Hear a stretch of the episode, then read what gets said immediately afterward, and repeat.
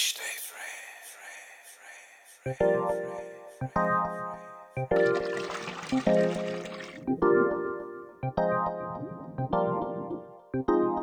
Bram Boender, welkom bij ons in Sugar City. Dankjewel man. Bij A Fish Named Fred. Ja, prachtig. Ja, hey, eh, vertel eens, eh, waar kennen de mensen jou van? Nou, de mensen die kunnen mij kennen van. ehm, nou, ik, laat ik beginnen dat ik, dat ik mu- maak muziek. En ik heb meegedaan aan eh, Idols 2017. Daar ben ik uiteindelijk tweede geworden. En eh, bij House of Talent, een reality-programma in 2018, ben ik eerste geworden. Dat programma heb ik gewonnen. Dus daar zouden mensen mij kunnen kennen. En ze zouden me kunnen kennen van eh, ja, verschillende optredens door het land heen, denk ik. Ja. Cool. En eh, de afgelopen maanden, hoe ben je die doorgekomen?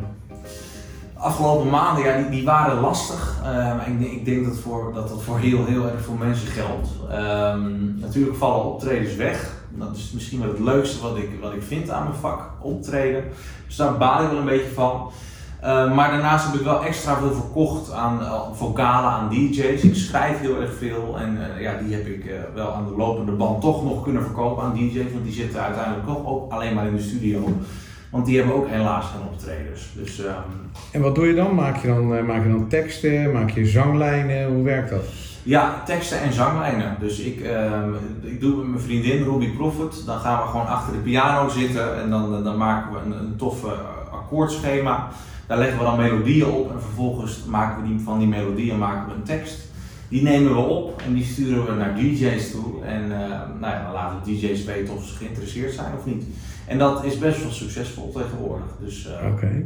En, en, en hoe moet ik dat dan zien? Is dat dan een, eh, een, eh, melodielijn die je op de piano componeert, eh, waar een DJ dan een beat onder legt? Of hoe, hoe moet ik dat zien? Hoe werkt Ja, dat? ja, wij, ja, wij maken hem op piano. Dus die Ja. DJ's krijgen hem aangeleverd als pianostuk met een vocaal eroverheen. Ja.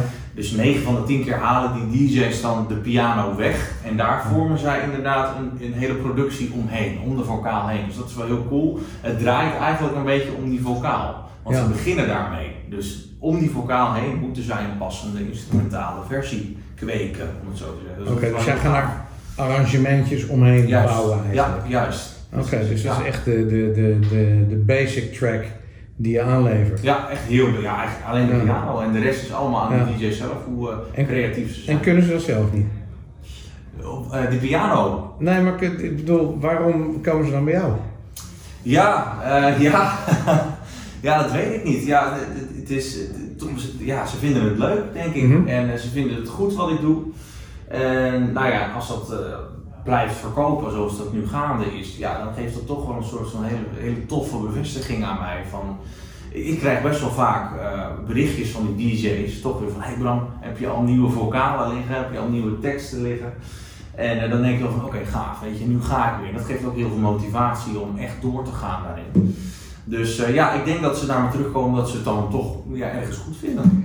En, Ja. en, en schud je ze dan zo uit je mouw of ga je dan eerst helemaal kijken wat de stijl van de DJ is en, en, Ja. en daarop baseren? Ja, dat, dat verschilt wel hoor, moet ik zeggen. Want ja, ja, muziek is natuurlijk een heel creatief ding en je bent niet elke dag creatief. Ik denk dat, dat de mede-muzikanten dat zeker kunnen beamen.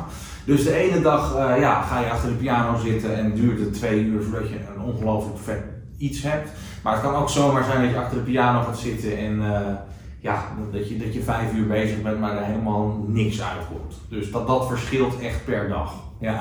Ja, helder, helder. ja. Hey, en eh, eh, ja, goed, je vertelt, dat doe je al een tijdje, dat, dat maken van, van tunes voor, voor DJ's en dergelijke. Heb je wel eens gekke situaties meegemaakt, gekke dingen waarvan je denkt van, nou, er is iets met, mijn track gebeurd wat ik helemaal niet verwacht had of iets anders geks? Of?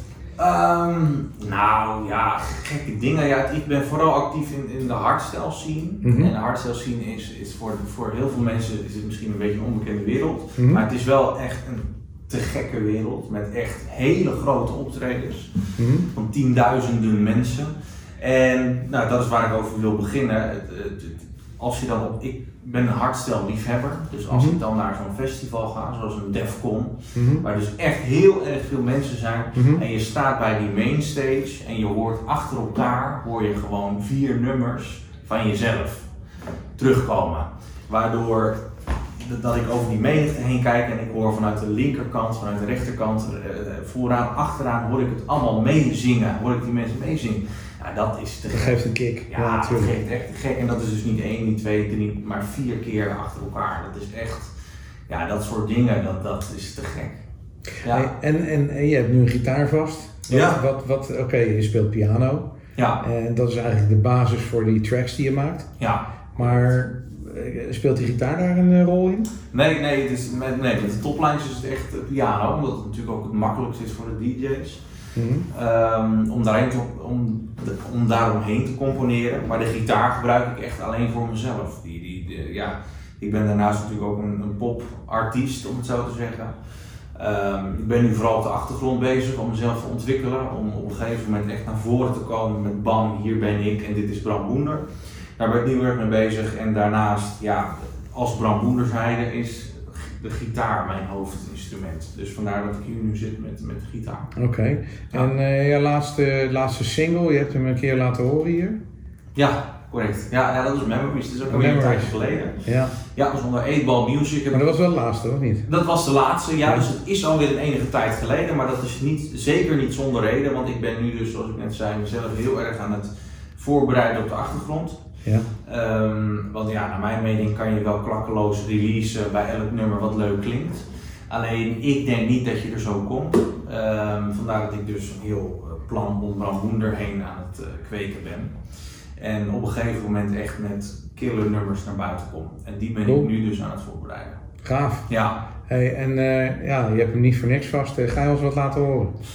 Ja nou laten we maar, laten we het maar doen dan denk ik toch? Ja, ik, ja. eh, ik weet niet wat er gaat komen, maar eh, ja, ik ben heel benieuwd. ja, dat is voor mij ook een verrassing. Goede plektrum trouwens. Ja toch? Een echte Fred Rocks. Ja, ik vond wel toepasselijk.